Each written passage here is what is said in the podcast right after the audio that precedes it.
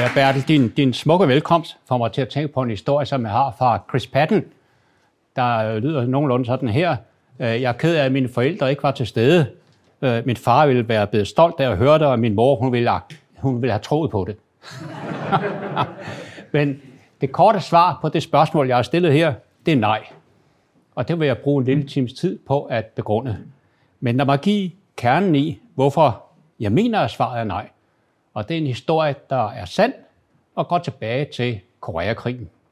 Der kom en ny amerikansk øverstkommanderende ud til Korea, og det første, han gjorde, det var jo at skulle holde et større møde med øh, de ledende koreanske officerer, 200 mennesker eller 200 officerer, og øh, for at bløde stemningen op og skabe en god grobund for, hvad han nu skulle gøre, så startede han med en vidighed.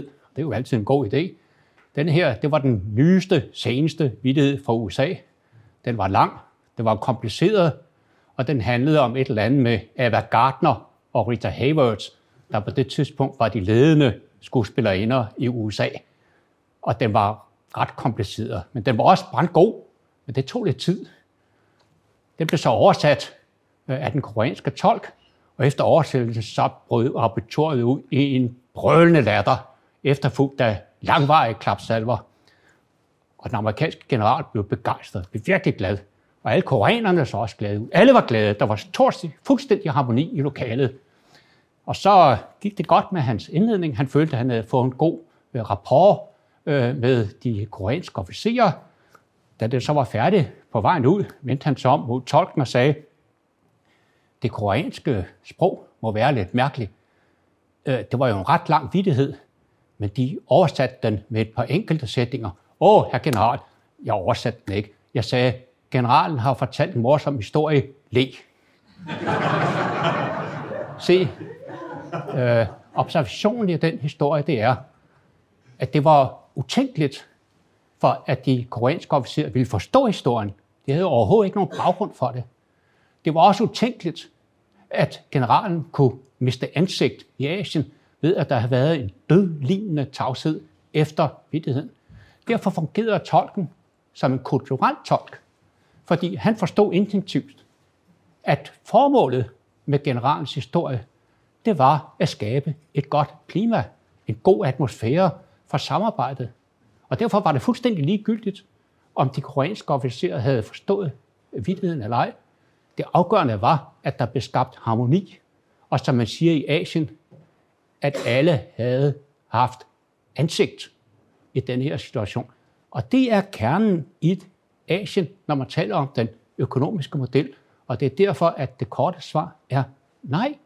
Fordi den europæiske optik med økonomisk politik og på så mange andre områder, det er klare instrumenter, som kræver en øjeblikkelig handling, og som er faktuelle, objektive, hvor der er vinder og tabere, og man kan konstatere det efterfølgende, hvem der er hvad. I Asien er det lige omvendt. Der er harmoni, der er underliggende budskaber, der er ingen vinder, der er ingen taber. Alle har ansigt, når det er sket, og derfor drejer det sig om at få en helt anden fremgangsmåde, og derfor er mange af de vestlige økonomiske instrumenter, de falder til jorden, når de bliver brugt i Asien. Hvis vi kigger lidt på, hvorfor spørgsmålet, der er stillet, er relevant her, så er svaret jo, at det er fordi den demografiske og økonomiske tyngde, der skifter til emerging markets and developing economies. Vi kender alle sammen tallene om, hvordan befolkningsudviklingen bliver i de kommende 10 år. Vi kender alle sammen tallene for den økonomiske vækst. Det vil sige 2030-2050 er der kun ét vestligt land, nemlig USA, der vil være på top 5-listen over de store øh, økonomier i verden. Derfor bliver det store spil i Asien det bliver primært omkring Kina og Indien, med dem, der får den største vækst, dem, der har den største befolkning, og Kina, der satser på teknologi, og til dels Japan som en form for værksted i den sammenhæng, en form for led i the supply chain. Globaliseringen er i dag forankret i en vestlig tankegang, og den er til fordel for Asien. Og det er helt indlysende, at globaliseringens regler fastlagt grundlæggende i 1947 at Storbritannien og USA tilpasset deres interesser, givet dem fordele, ikke kan blive ved med at eksistere i en situation, hvor deres andel af det globale BNP falder fra dengang omkring 50 procent til i øjeblikket omkring 20-25 procent, og måske om et eller to 10 år ned på omkring 15 procent. Det er utænkeligt, fordi reglerne for globalisering, hvis de skal håndhæves, hvis de skal fungere, må følge sådan, at de er tilpasset de største økonomier. Det er indlysende. Og derfor skal de tilpasses asiatisk tankegang, og hvis ikke de bliver det, så kommer der en konflikt mellem Asien og øh, den vestlige økonomiske styring af verden. Vi kan også se, at regionaliseringen er på vej fremad øh, i Asien, Sydøstasien, Østasien, meget stærkere end i Europa, blandt andet motiveret af en stigende pres for at få autarki, det vil sige helt eller delvis øh, selvforsyning. Asien tænker anderledes end Vesten. Det er det, jeg har illustreret med den her lille historie. Der er en anden samfundsstruktur i Asien, og det vigtigste punkt, hvor der er uenighed mellem Vesten og asiatisk tankegang, det er, at i Vesten prioriterer vi individet, i Asien øh, prioriterer man det kollektiv. Derfor er det helt usandsynligt, at den globale økonomi, som vi forhåbentlig vil have til sin tid, at den fortsat vil afspejle vestlig tankegang og økonomisk teori. Og jeg har et bud på, hvad vi så kommer tilbage til, hvad der så kommer til at ske, øh, og dem, der har lyst til at sove, de kan sove nu, og så skal jeg vække jer, når vi kommer til konklusionen, så I kan få det at høre i hvert fald. Det, der er en hel masse slogans, myter og vestlig tankegang omkring de asiatiske økonomier, som ikke passer. Omkring 1960 skrev den amerikanske økonom, eller politolog, eller hvad han nu var, W.W. Rostow, sin model for den økonomiske udvikling, baseret på fem faser, hvor den sidste er masseforbruget. Den var tilpasset den angloamerikanske tankegang og økonomiske filosofi, og den passede på dem, på den vestlige økonomier. Men den passer ikke på Asien. Og derfor kan vi med sikkerhed sige, at i dag er vi inde i en situation, hvor de asiatiske samfund ikke bevæger sig ind i masseforbrugets fase, som Rostovs teori vil have. Den anden, det er, at vi har læst om den efterspørgselsstrukturen i Asien, nemlig om forbruget som trækkraft. Det er ikke rigtigt. Det er ikke forbruget, der trækker de asiatiske økonomier. Det er investering og offentlig forbrug, ikke privat forbrug. Vi har læst om eksportdrevet øh, vækst. Jeg ved ikke, hvor mange gange jeg siden jeg begyndte at interessere mig for Asiens økonomi, og det var allerede i 1980'erne, og specielt jo efter jeg kom til Singapore i 1997, har læst om et, forbrugskorten i Kina ville stige og skabe et helt fantastisk forbrugsmarked, og punkt to, hele den asiatiske økonomiske vækst var eksportdrevet. Begge dele er forkert. Det er ikke forbruget, der driver den økonomiske virksomhed i Asien. Det er andre dele, investeringer, offentlig forbrug, og den asiatiske økonomiske vækst har ikke været trukket frem af eksportstruktur. Man kan også sige, at Krugman, som jo kender, skrev i 1990'erne en artikel i Foreign Affairs, som vagte raseri i Asien. Krugman sagde, den asiatiske økonomi er ikke andet end øget faktorinput. Og I ved jo selvfølgelig, at økonomisk vækst kan komme af to grunde. Større faktorinput og højere produktivitet. Og Krugman sagde, at alt det er jo højere produktivitet. Det dur ikke. Det sker ikke i Asien. Det er kun faktorinput. Det viser sig også at være forkert. Den kinesiske arbejdsstyrke startede med at stige i 2015, og siden er den faldet. Til trods for det, så har Kina haft en økonomisk vækst, der har virkelig ligget på 6, 7, 8 procent. Og det samme gælder i flere andre asiatiske lande. Der er rent faktisk en højere produktivitet i Asien.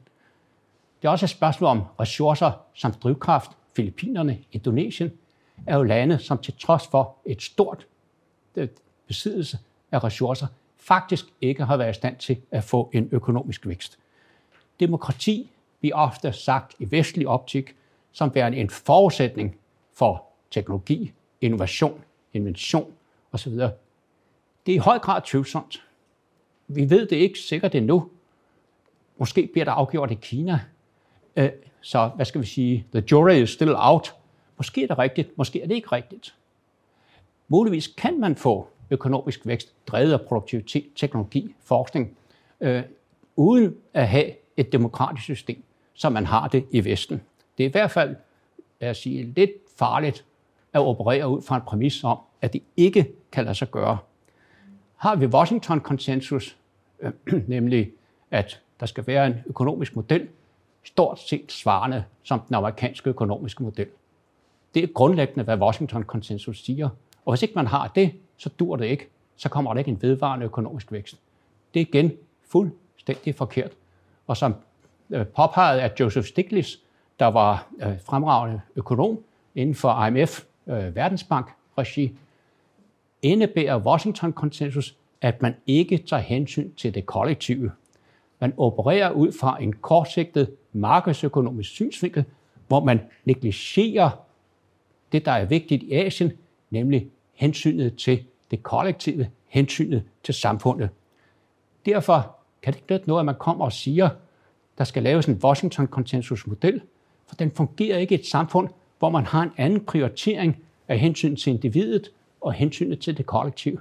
Derfor kører den fast, og derfor skaber den mange gange, og jeg har selv set det i Asien, mange gange skaber den dybliggende sociale problemer for samfund, der er bygget op på en anden samfundsstruktur, end den man har i de vestlige lande.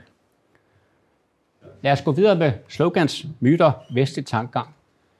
Der er for omkring 10 år siden snart skrevet en virkelig fremragende artikel, videnskabeligt underbygget på basis af studier over hele verden, der siger, al tankegang uden for den vestlige kulturkreds er fundamentalt set anderledes, end vi forestiller os. Den er ikke alene anderledes end vestlig tankegang, men den er anderledes i sin struktur. Og det har jo den konsekvens for den økonomiske instrumenter, og for det, man i den økonomiske videnskab kalder notch, hvor man prøver at påvirke folks adfærd ved en økonomisk incitament, at det fungerer ikke som forudset, fordi folks kultur, folks adfærdsmønster er fundamentalt set anderledes. Jeg kan virkelig anbefale, at man læser den pågældende artikel, som er en eye af dimensioner over, hvorfor det er, at vi kører fast i så mange områder, og det gælder også politisk, sociologisk, kulturelt osv., fordi vi ikke forstår, at resten af verden tænker anderledes, end vi gør i vestlig efter vestlig tankegang. Og en af dem, der først åbnede øjnene for det for mig, det var professor Nørgaard Rasmussen, som i 1965 holdt en forelæsning om makroøkonomi, hvor han fortalte en historie om en vestlig rådgivning til Iran. Det var omkring begyndelsen af 60'erne, hvor der havde været, at der kom, og de shahen, der dengang regerede, kunne ikke forstå, at man ikke kunne få en højere produktivitet ud af landbruget. Og indkaldt sig vestlige eksperter. De tilbragte seks måneder, eller hvor lang tid det nu har været, med at studere hele landbrugssektoren, og kom så med det geniale råd, brug mere kunstgødning. Det kunne man måske godt have fundet ud af, uden at spørge en hel masse andre. Det var et fuldstændig korrekt råd, og det var fuldstændig ubrugeligt. Fordi de havde ikke taget hensyn til, at på det tidspunkt var det iranske samfund, det var herremænd, og det var festebønder. Og kontrakten mellem festebønderne og herremanden, det var, at festbunden betalte for driften af jorden, herunder hvad det ville koste at bruge mere kunstgødning, mens kontrakten indebar, at gevinsten ved det, det tilgik herremanden. Og derfor var det jo så klart, at der var ingen festebunde, der ville afholde udgifter til kunstgødning, og så se gevinsten ved det gå til herremanden. Det var ubrugeligt råd. Shane tænkte sig så lidt om, og så sagde han, hvordan kommer jeg så videre? Og så skrev han til alle herremændene i Iran, at han overvejede en skattereform, hvor man ville lægge mere øh, skat på jorden, og til brug for det, så havde han brug for at høre deres værdiansættelse af deres egen jord. Og de satte den jo alle sammen helt meget, meget, meget lavt, så det ikke skulle blive beskattet hårdt. Hvorefter Sjæren skrev rundt og sagde, at nu havde han øvrigt ombestemt sig. Altså han synes det var en bedre idé, at man nationaliserede en stor del af jorden, og så ville han give kompensation svarende til deres egen værdiansættelse. Så det var jo smart, ikke? Forståelse af, hvordan adfærdsmønstret var, hvordan samfundsstrukturen var. I Thailand øh, i 1900, hvornår var det nu, i forbindelse med den asiatiske krise 1997, kom IMF.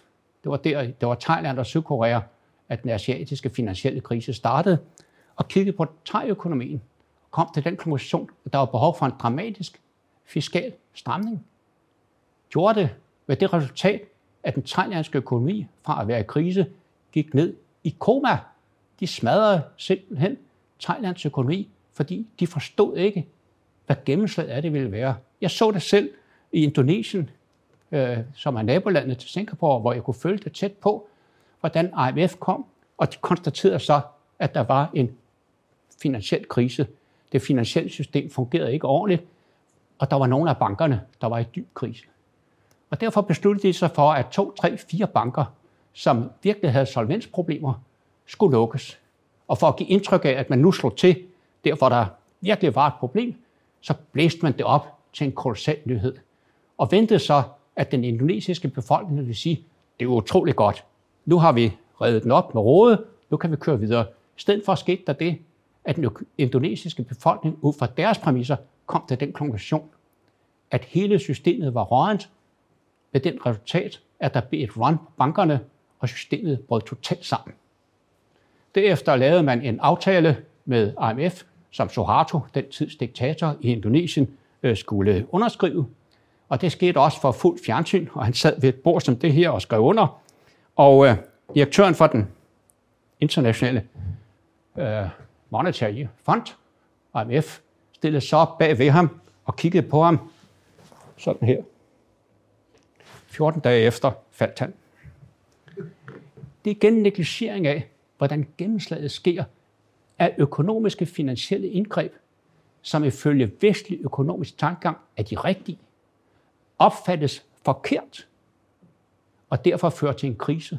Det eneste asiatiske land, der kom godt ud af det, det var Malaysia, hvor premierministeren Dr. Mahathir blev til grin over hele verden, fordi han læste IMF's program og sagde, I kan rende og hoppe, tag med hjem, jeg gør noget helt andet. Og han indførte alle de indgreb, som den internationale valutafond havde frarådet, og Malaysia kom faktisk godt igennem. I hvert fald bedre end alle de andre asiatiske lande. Lad os efter denne lille indgangsbøn kigge lidt nærmere på de asiatiske økonomier og kigge på nogle af tallene. Der er i virkeligheden tale om tre faser. Den første er fra 1980 til 1995, hvor Asien indtræder i den økonomiske globalisering og i høj grad baserer sig på arbejdskraftintensiv produktion. Til dels var det dengang eksportdrevet.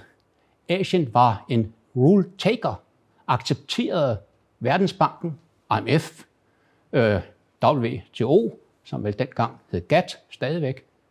Det var jo okay, fordi Asien var svagt, ønskede at komme ind i systemet og bruge det. Omkring 1995 skifter det. Asien kommer ind i the global supply chain, og Asien bliver derfor i stigende grad ikke alene en rule taker, men ønsker også at være en form for rule maker. Hele problemet omkring offshore, outsourcing osv. skabte en anden situation, hvor Asien følte, at nu er vi virkelig kommet ind i den globale økonomi. Ikke alene som et, hvad skal vi sige, intetsigende land, men nogen, der rent faktisk betyder noget. Derfor er der behov for, at vi ser på rollen mellem rule taker og rule maker. Det var der ikke villighed til i Vesten. Robert Søllig, øh, der var viceudenrigsminister øh, i USA og på et vist tidspunkt i USTR, og også senere præsident for Verdensbanken, skrev en ret berømt artikel i Financial Times, hvor han sagde, at Kina skulle til at blive en stakeholder i det globale system. Hans synsvinkel var, at Kina skulle blive en stakeholder ved at bruge sin indflydelse til at fastholde og udbygge det amerikansk definerede system. Der var ikke nogen som helst antydning af, at Kina som rulemaker, stakeholder, stakeholder skulle have indflydelse på, hvordan systemet skulle fungere. Det var udelukkende en kinesisk støtte til det amerikansk definerede system. Og derfor var der ikke noget som helst respons fra Kina, fordi den kinesiske reaktion var, hvorfor i alverden skulle vi gøre det? Hvis vi skal engagere os og påtage os et medansvar, så må det jo være sådan, at reglerne også afspejler vores interesser, og ikke blot udelukkende de amerikanske interesser. Derfor er det store interessante spørgsmål nu i 2020, vil Asien gå hen og blive rulemaker? Og hvordan vil Vesten reagere, når Asien begynder at kræve det. Xi Jinping har holdt to store taler i 2016 og 2020 øh, på Davos-topmødet, hvor han har opfordret til en form for revision af det globale styresystem, uden noget som helst svar fra Vesten. Det interessante spørgsmål er, hvor længe kan det blive ved? Er det sådan, at Kina på et eller andet tidspunkt vil starte med virkelig at kræve det og bruge sin indflydelse? Er det sådan, at Kina måske vil begynde at overveje at skabe et alternativt system? Er det sådan, at USA på en eller anden måde vil slå igennem? I kan sikkert huske, at øh, præsident Obama lancerede jo det amerikanske Pacific-initiativ til en frihandelsområde i det asiatiske stillehavsområde, og sagde utryggeligt eksplicit, at det gjorde USA for at de fremtidige regler om samhandlen hen over Stillehavet skulle, jeg kan ikke huske ordvalget, være i overensstemmelse med, hvad USA ønsker, eller i hvert fald, at amerikanerne skulle være med til at udforme dem. Det fik Trump og den amerikanske kongres skudt ned. Nu er der dannet et mere begrænset øh, samarbejdsområde uden USA, hvor de asiatiske lande vil prøve at se, om de kan gøre det. Det kan de nok ikke i øjeblikket, men før eller siden, så kommer det, og så bliver spørgsmålet, hvad er konsekvensen for det globale styresystem? Lad os kigge på efterspørgselsstrukturen og privatforbrug, hvor jeg vil uddybe det, jeg sagde før, nemlig at Kina er ikke drevet af privatforbrug. Og vi kan se tallene, jeg har kigget på fra 1980 til 2020, og kigget på forbrugskorten. USA er forbrugskorten steget fra 77 til 82 procent.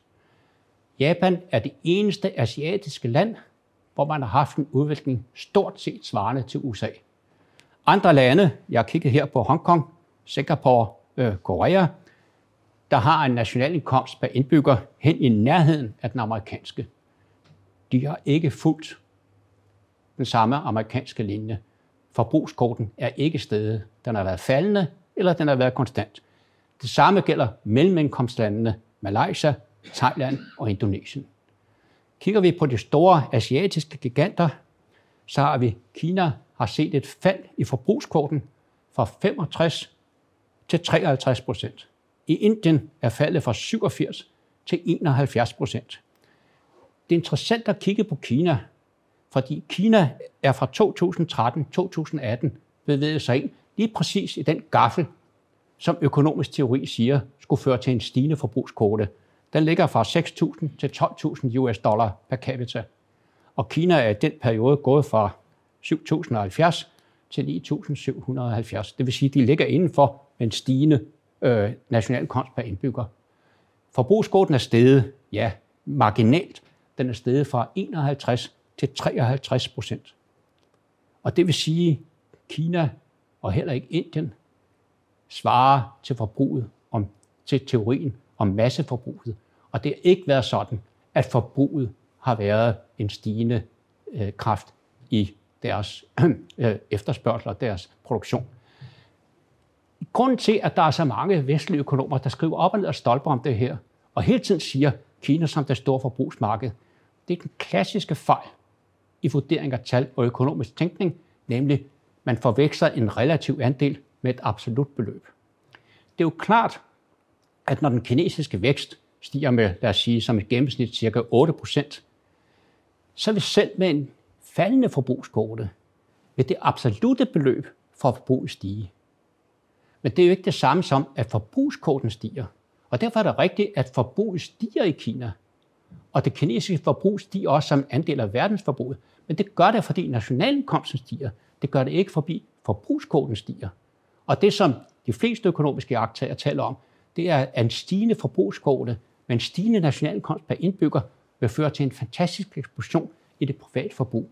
Og det er ikke skede. Ikke skede. Der er så to spørgsmål, det her rejser. Det ene er, hvad er det så, der har været øh, øh, drivkraften i den økonomiske vækst i Asien, primært Kina? Øh, og øh, hvad er forklaringen på, at forbrugskvoten er lav i Kina, og formentlig bliver ved med at være lav? Lad os se på det første spørgsmål først. Det kan man jo altid gøre. Det er lettere end at se på det første spørgsmål sidst.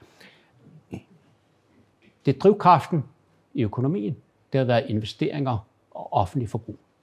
Investeringerne i USA har været lave lidt over 20 procent i hele perioden. I Kina mellem 35 og 45 procent. Og i Indien mellem 20 og 40 procent. Og det er derfor investeringerne og offentlig forbrug, der har været drivkraften. Vi har også alle sammen læst, jeg ved ikke hvor mange gange, og hvor tusinder af økonomer, jeg har selv været i en del øh, diskussioner, både på tv og i radioen osv., om eksportdrevet vækst. Igen, det er simpelthen ikke korrekt. Kina og andre asiatiske lande har ikke, hvad skal vi sige, bevæget sig ind i en fase, hvor de har tiltaget sig en økonomisk vækst, lad os sige, på vores bekostning, ved at eksportere til os. Tallene viser det jo meget klart. Jeg har her tallene fra 1980 til 1995. Kinas løbende balance, underskud i fem år, balance i to, overskud i otte år. Det højeste år, det var 3 procent i 1991. Fra 1995 til 2018 har vi overskud hvert år. Gennemsnittet er ikke større end 3,5 procent. Grunden til, at mange har lukket sig ind i teorien om eksportdrevet vækst, det var omkring øh, 2007 var der et meget stort overskud på betalingsbalancen, nemlig 9,9 procent. Men det var kun et par enkelte år, hvor efter det faldt. Det var dengang Financial Times havde en kæmpe artikel, hvor der stod, Kina som den største offshore besidder af investeringer osv. i de kommende år, og dagen efter måtte de trække artiklen tilbage, fordi den var baseret på nogle forudsætninger, som ikke holdt. Og vi kan se, at fra 2000 og hvordan er det? Ja, fra 2011 til 2020, der har der hvert år været underskud, men under 3 procent. Og fra 2016 til 2020 har der været overskud, ja, men hvert år under 2 procent. Og jeg kiggede på tallene i går fra 2021, hvor, så vidt jeg husker, så er prognosen, de endelige tal er nok ikke ude endnu, at overskuddet havde været 1,8 procent. Det er ikke eksportdrevet vækst. Det er vækst, ja, og det er en eksport overskud, men ikke som en drivkraft, hvor Kina, om jeg så må sige, tiltager sig markedet, markedet for andre. For Indien har vi haft underskud, øh, bortset fra enkelte, nemlig to år, og Japan har vi haft overskud i langt de fleste år, men stadigvæk er en beskeden størrelsesorden. Så hele teorien om eksportdrevet vækst, det er forkert. Derfor er kernen i det, og det er svaret på det andet spørgsmål, grunden til, at opsparingen er høj, og det private forbrug er lavt, det ligger uden for den økonomiske videnskab. Det ligger i samfundsstrukturen. Det er almindeligt, at i Asien, der har man familier, der lever sammen i et større hus. Tre generationer, bedsteforældre, forældre, børn. Og alle søskende lever i det samme hus. Og de hjælper hinanden, og de opbygger et socialt velfærdssystem. Der er i Asien samme interesse, som der selvfølgelig er alle andre steder, for et socialt sikkerhed, når man bliver gammel. Den kan ikke leveres af det offentlige system, bortset fra ganske enkelte lande herunder Singapore, som er boet i, så er der ikke et socialt sikkerhedsnet. Som alle andre steder i verden bliver asiaterne ældre, og de ønsker at have en rimelig god alderdom. Den eneste måde, de kan få det på, det er ved at tilvejebringe opsparingen selv. Og derfor er opsparingskvoten høj. De sparer op til deres alderdom. Hvis man vil se på det i den økonomiske teori, så kan man sige, at den til vis grad er et udslag af, at de ser forbrug som et livslangt forbrug. Det vil sige, de er i stand til, og de ser på, at efter vi er omkring 60-65 år, eller meget det er, så har vi måske 15 år tilbage. De bliver jo ældre derude, som det gør alle andre steder. Og vi vil have et rimeligt godt forbrug. Og derfor må vi nedskære forbruget nu. Men man i USA siger, det vil vi også, men så gældsætter vi os. Det offentlige gældsætter sig, fordi de skal betale en del af det. Men Asien, der er der ikke stor gældsætning i hvert fald ikke i størsteparten af de asiatiske lande, asiatiske lande, der sparer folk op, og familien fungerer som det sociale sikkerhedsnet. Og derfor er det efter mine øjne fuldstændig sikkert, at der sker først noget med forbrugskoden, når eller hvis der introduceres et socialt velfærdssystem. Og jeg har selv haft, ikke direkte, men jeg har selv haft vis for viden, viden om, hvordan man ser på det i Kina, hvor der er en kolossal interesse for det europæiske, herunder også det danske velfærdssystem, hvor den kinesiske regering overvejer, om man skal indføre sådan noget. Barrieren for det, det er jo selvfølgelig, at det kræver en højere beskatning af befolkningen. Og politikerne i de asiatiske lande er hverken dårligere eller bedre end dem, vi har i Europa. De ønsker ikke at konfrontere befolkningen med en højere beskatning. Det er kun i Danmark, at folk sætter så stor pris på velfærdssamfundet, at de også er villige til at betale skatter for det. De er også villige til at betale for det. Alle andre steder, der er svaret meget simpelt. So ein Ding müssen wir aufhaben, aber wir wollen nicht betalen. Og så kan det jo ikke lade sig gøre. Og derfor kører det fast, og derfor bliver folk ved med at spare op. Hvad sker der så med den opsparing? Ja, den skal placeres til sted. Det kan man gøre enten nationalt eller internationalt. Og hvis vi kigger på de tre største NIIP, det er Net Investment øh, Partners i verden, så er Japan nummer 1, 64 procent af BNP, Tyskland nummer 2, 61 procent, Kina nummer 3 med 17 procent. Det understreger igen, at Kina ikke er den aktør med handel, med eksport og med kapital på det globale plan, som man almindeligvis får fortalt. Størsteparten af den kinesiske opsparing går til det kinesiske samfund. Og det er sådan set meget let at forstå, når man slår op og finder ud af, at capital stock per indbygger eller per arbejder i Kina, det er en tredjedel af, hvad det er i de vestlige økonomier. Det er jo indlysende, at med en så lav kapitalindsats per arbejder, er der meget store investeringsmuligheder i det kinesiske samfund.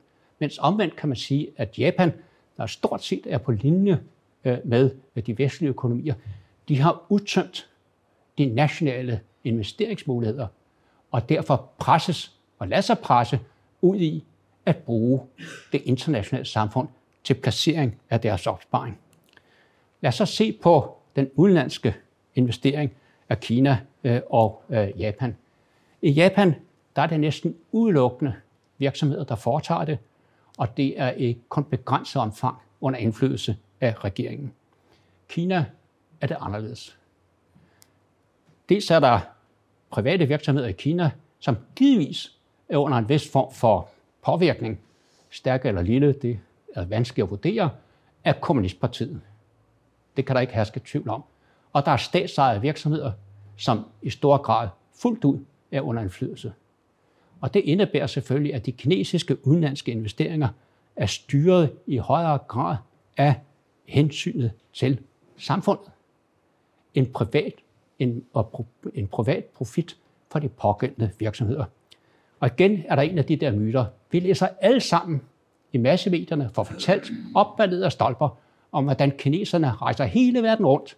Og så snart der er blot den mindste højteknologiske virksomhed, der propper op i Brønderslev i Danmark eller i St. Louis i USA, så kommer de kineser bang og køber den op. Det er helt igennem forkert. Og vi læser op og ned af stolper om, at kineserne er ved at opkøbe hele Afrika og hele Latinamerika. Det var ikke lang tid, før så skal man ind i Amazonjunglen for at finde et eller andet lille plot, hvor man kan stå, der ikke er ejet af Kina. Tallene fortæller, det er det rene frøm. Hvis man kigger på tallene og ser på, hvordan den kinesiske opsparing international investering er placeret, så finder man fra 2005 til 2017, så finder man, at det er commodities, det er energi, det er transport, det er logistik, det er fast ejendom. Teknologi er faktisk en overordentlig begrænset andel, og der er nogle år, hvor man faktisk ikke har været mulighed for at finde statistiske tal for, at kineserne har opkøbt teknologiske virksomheder i verden, i Vesten. Hvis man ser på den geografiske fordeling, så tegner Europa sig fra 53 procent, Asien tegner sig fra 18 procent, USA fra 16 procent, Latinamerika fra 7 procent, Oceanien fra 3 procent og Afrika fra 0,6 procent. Det vil sige, at uden for USA og Europa og Asien, hvor en stor del af investeringerne er motiveret af Belt Road Initiative, der er de kinesiske investeringer faktisk overordentligt begrænset. 0,6 procent øh, i Afrika. Det giver jo ikke ligefrem tro på, at Kina er ved at opkøbe hele Afrika.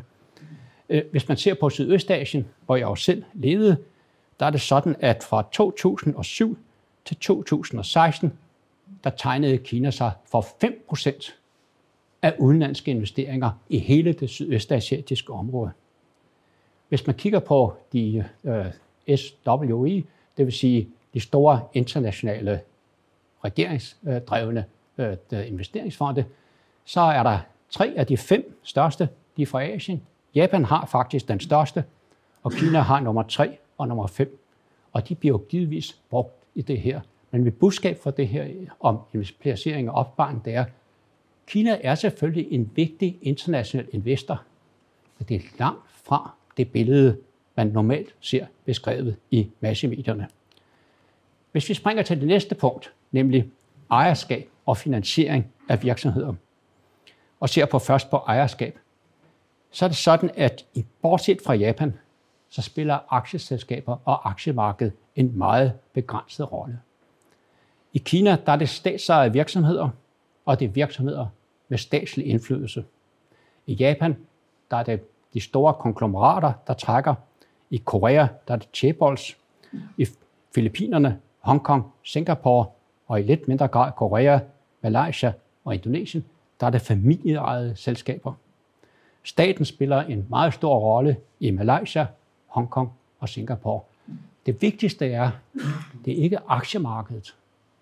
Det er andre ejerformer, der dominerer i Asien, med selvfølgelig åbenlyse konsekvenser for to ting, nemlig punkt 1, finansiering, punkt 2, hvem er det rent faktisk, der bestemmer, der træffer virksomhedspolitiske beslutninger. Og med hensyn til finansiering, der er det jo klart, at aktiemarkedet spiller kun en ringe rolle, bortset fra Hongkong, finansiering, Hongkong, Singapore og Filippinerne. I Kina og Japan tegner aktiemarkedet sig fra mindre end 25 procent. Dem, der spiller en rolle i Asien til finansiering af erhvervslivet, det er de private banker. Og de er stort set alle sammen familieejede. Og familierne, der ejer dem, befinder sig i et tændt samspil med regeringsmagten. For at undgå konfrontation og være sikker på, at de er i overensstemmelse med den overordnede politiske målsætning, der udspiller sig i systemet. Og det fører så til svaret på, hvem er det egentlig, der bestemmer her? I USA, der har vi det, jeg vil kalde korporativ kapitalisme. Og det vil sige, i modsætning til, hvad mange tror, så styres USA af et relativt begrænset antal personer med krydsejerskab og investeringsfonde, hvor der er en hel række personer, der går igen relativt begrænset og styrer den økonomiske aktivitet. I Asien, der har man også et begrænset antal personer, men det er familierne, der spiller en rolle der. Det er familierne, der ejer deres banke. Min bank i Singapore, den hedder UOB, den var ejet af en, en af de rigeste singaporeanske familier. Sådan er det i store dele af Asien. Bankerne spiller en rolle. Bankerne har indflydelse. Familierne har indflydelse. Dels via, at de ejer bankerne, og dels ved, at de ejer virksomhederne. Og derfor føres økonomiske politik og virksomhedspolitik, hvem der bestemmer i Asien, den føres i høj grad via kommunikation og gensidig hensyntagen. Der må ikke være nogen, der mister ansigt. Der må ikke være konflikter. Hensynet til det kollektive taler mere end hensynet til individet og hensynet til profit. En anden indgang til systemet. Øh, og derfor virker den vestlige økonomiske tænkning ikke i Asien. Det er ofte vildledende. Investeringer for eksempel. I Vesten vil vi sætte renten op, vi vil sætte renten ned. I Asien vil man måske gøre det samme. Men det er vigtigere, at der fra toppen op i systemet kommer en meddelelse nedad om, at nu skal vi dæmpe investeringerne, at nu skal vi øge investeringerne. Så tilpasser systemet sig, fordi man ikke ønsker en konfrontation. I Vesten, der vil virksomhederne jo være fuldstændig ligeglade med, hvad regeringen mener. Man kan kun påvirke deres adfærd ved at påvirke deres profit. I Asien er det utænkeligt, fordi et sådan modsætningsforhold mellem den private sektor og statsmagten er utænkeligt, fordi så får man konfrontation, og det vil man ikke have.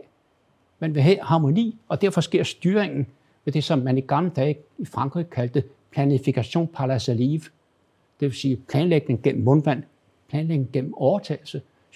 Meddelelsen kommer ned fra oven, hvad det egentlig er, man ønsker, og det bliver så rettet ind efter og det bliver gennemført i store træk, selvfølgelig ikke fuldt ud, men i store træk. For eksempel, hvis man kigger på en ting som de kinesiske oversøiske investeringer, så vil det i vestlig optik være, at en virksomhed investerer oversøisk for at få en profit. Den viden, den erhverver, beholder sig for sig selv.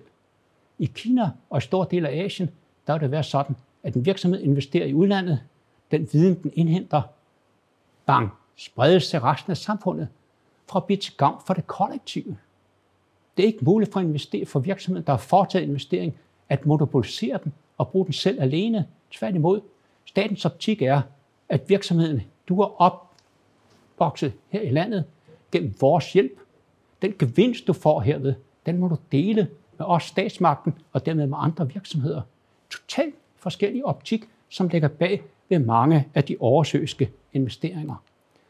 Hvis vi springer over til asiatisk tænkning og adfærd, så er det i høj grad defineret, i hvert fald der, hvor man har konfuciansk adfærd, noget, der hedder Liji. Og det vil sige, Liji adfærdsnormer styrer civiliseret adfærd. Den gælder for alle, der er inden for den samme etik, inden for den samme sfære, hvor der ikke er regler. Reglerne og lovgivningen i Asien, i hvert fald i det konfucianske samfund, vil meget ofte udelukkende være indrettet på at gælde for dem, der ikke anses for at være inden for den civiliserede sfære. Derfor får vi konflikter hele tiden, når Vesten kommer.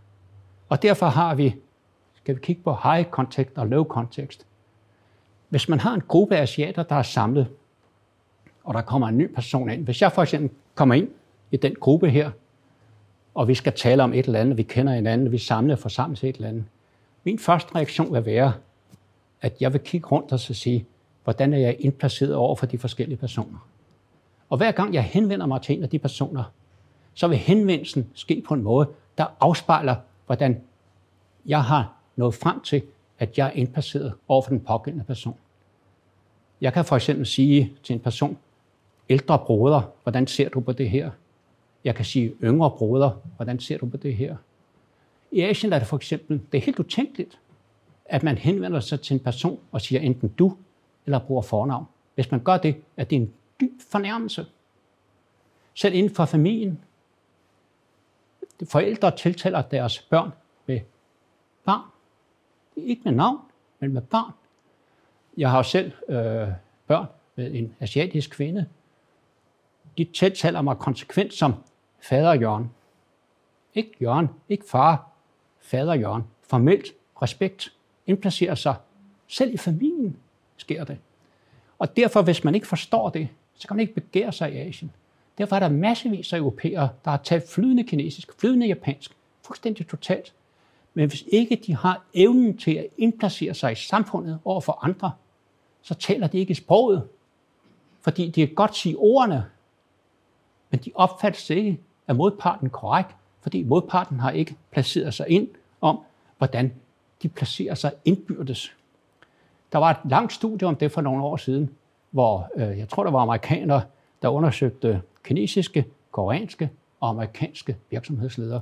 Og det viste sig fuldstændig klart, at de amerikanske virksomhedsledere, de var mere konfrontatoriske, de var mere indstillet på bank, bank, bank, bank profit, mens de kinesiske og koreanske deltagere, de fokuserede først og fremmest på harmoni og gensidig fordel og deling af det. Derfor er kernen i det med den asiatiske adfærd, det er, at den er blødere, den er mere indirekte, den hviler på en fælles forståelse, som kun gælder for dem, der er medlem af den samme kulturelle cirkel, og ikke for andre. Og når vi derfor kommer med den vestlige tankegang, så vil det meget ofte falde plat på jorden. Og når vi kommer med de vestlige økonomiske instrumenter, ja, de vil blive forstået. Asiaten vil nikke og sige, ja, det er rigtigt, det forstår vi osv. Men de vil ikke gøre det, som historien med de koreanske officerer. De signalerede på en eller anden måde, at de forstod det. Det gjorde de jo ikke.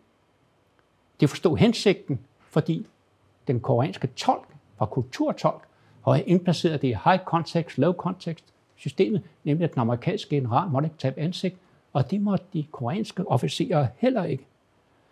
Men hele teorien med, at der er vinder og taber, og man kan læse det, og konfrontatorisk adfærd, det er fuldstændig out i den asiatiske tankegang.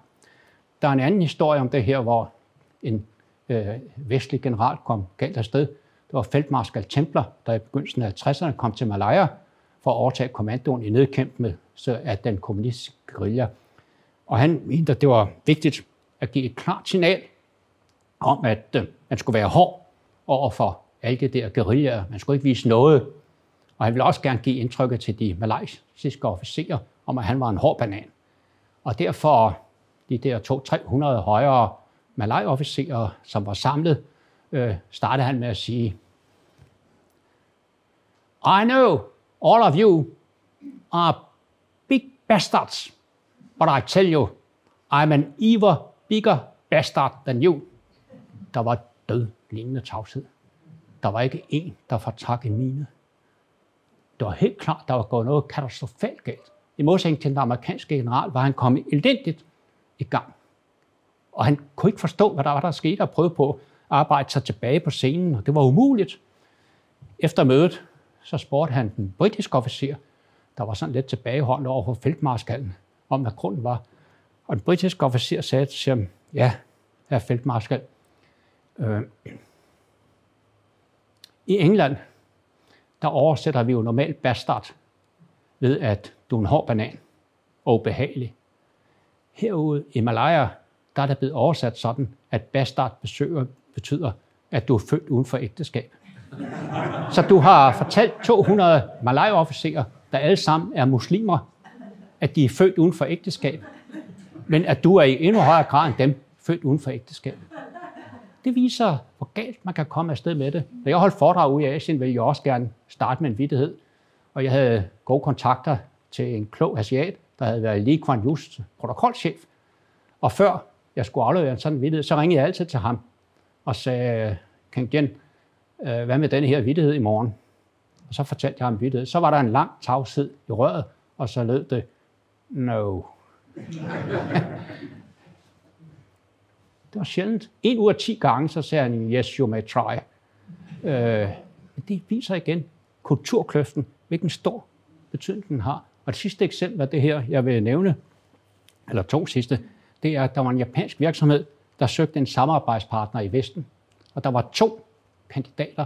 Det ene var en amerikansk virksomhed, det andet var en europæisk virksomhed. Og de tog først til USA på deres rundrejse, bestyrelsen, og kørte op foran den amerikanske virksomheds hovedkvarter, og gik ind, henvendte sig til receptionen, og så sagde altså, vi er virksomhed X fra Japan, og vi har et møde med bum, bum, bum. Ja, sagde receptionen. Ja, det er rigtigt. Jeg er elevatoren øh, op på femte sal. Det kom så op på femte sal og kiggede sig rundt. Ikke sandt? Og så var der en, der kom forbi og sagde, jamen det er inde i det der mødelokale.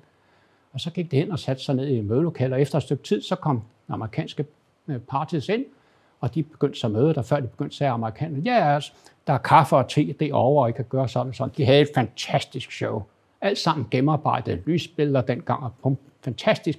Gav indtryk af, hvad japanerne sådan set godt fornemmede, at det var langt den bedste samarbejdspartner. Så tog det i Europa, og øh, de kørte op foran den europæiske virksomhed, udenfor flag, det japanske flag, det pågældende europæiske lands flag, hele bestyrelsen i den europæiske virksomhed, legnede op, bød dem velkommen, forklarede, hvor glade de var for, at den japanske virksomhed kom, tog dem op, ind op i et lokale, holdt deres foredrag osv., som sådan set ikke var fantastisk godt, fulgte dem ud, tog afsked med dem ude på trappen, hjalp dem ind i bilerne. Da den japanske virksomhed skulle gøre op, så sagde bestyrelsesformanden, ja, der er ingen tvivl om, at den amerikanske virksomhed er bedst, men den virksomhed, vi skal indgå i samarbejde med, vil givetvis skabe forskellige kulturelle konflikter og kommunikationskonflikter, og dem kan vi kun løse, hvis der er en forståelse for, at vi tænker anderledes end dem, og derfor bliver det den europæiske virksomhed. Og det viste så også at være en rigtig beslutning, at man kan jo ikke vide, hvordan det ville have udspillet sig, hvis det havde taget den øh, amerikanske virksomhed.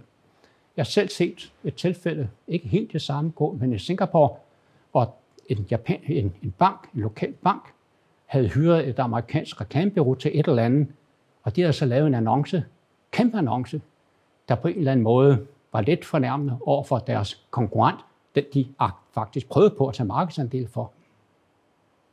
To dage efter, kæmpe annonce, lige så stor i alle singaporeanske aviser, hvor den bank, der havde stået for den første annonce, dybt beklagede, at der var brugt et ordvalg, som kunne være fornærmende for deres konkurrent. Og de forstod ud, fuldt ud den sorg og den, ikke vrede, men den dybe, den dybe altså sorg, eller jeg ved ikke, hvad man skal sige, det brugt for et ord, det havde påført dem. Og det beklagede de dybt, og de bad om undskyldning. Man kan ikke gennemføre den slags former for annonce i et asiatisk land, og ikke fornærme modparten. Man må ikke skrive noget, som kan være fornærmende, som kan berøre modpartens instinkter, fordi så bryder man harmonien. Og det er ikke acceptabelt i samfundet. Og dem, der gør det i deres markedsføring, de kommer galt afsted, som det var tilfældet med her. Konklusionen af alt det her, det er jo selvfølgelig, at de største økonomier kommer til at ligge i Asien, og den økonomiske teori, udviklet i Storbritannien og USA for omkring næsten 200 år siden, den vil ikke være gangbar der, hvor den økonomiske tyngde i verden kommer til at ligge i fremtiden.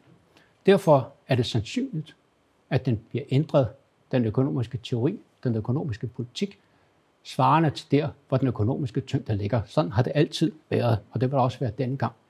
Den asiatiske tankegang, den er mindre marked, mere det kollektive, hensyn til samfundet, accept af politisk direkte styring, og det kollektive frem for individet, samfundet frem for den enkelte.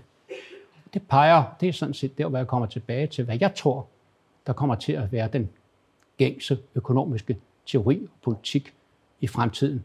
Ikke i år og morgen, men om 10, 20, 30, 40, måske 50 år, nemlig en model, der er mere styret, mere dirigistisk, ikke nødvendigvis centralistisk, men mere dirigistisk.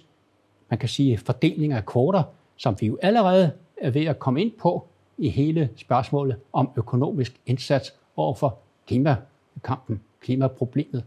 Det vil brede sig til andre sektorer af det økonomiske liv. Hvor stærkt det vil gå, og hvordan, hvor stærkt, hvad skal vi sige, tyngdefordelingen mellem marked og det, jeg kalder diagisme vil blive, det kan jeg selvfølgelig ikke sige. Men jeg er ret sikker på, at der vil ske en synbar forskydning af tyngdepunktet mellem markedet og diagisme. Og så vil vi få en måske i verden opdelte økonomisk sfære med forskellige økonomiske teorier. Jeg siger tak for opmærksomheden. Jeg skal gøre opmærksom på, at den øverste, det er en artikel, som jeg har offentliggjort for ganske kort tid siden, faktisk for nogle få dage siden, i Singapore Economic Review, og den er tilgængelig på nettet. Jeg tror, forlaget kræver en pris, øh, men jeg vil gerne gøre opmærksom på, at jeg får ikke royalty, så det er ikke for min skyld, i givet fald skal downloade den. Tak for opmærksomheden.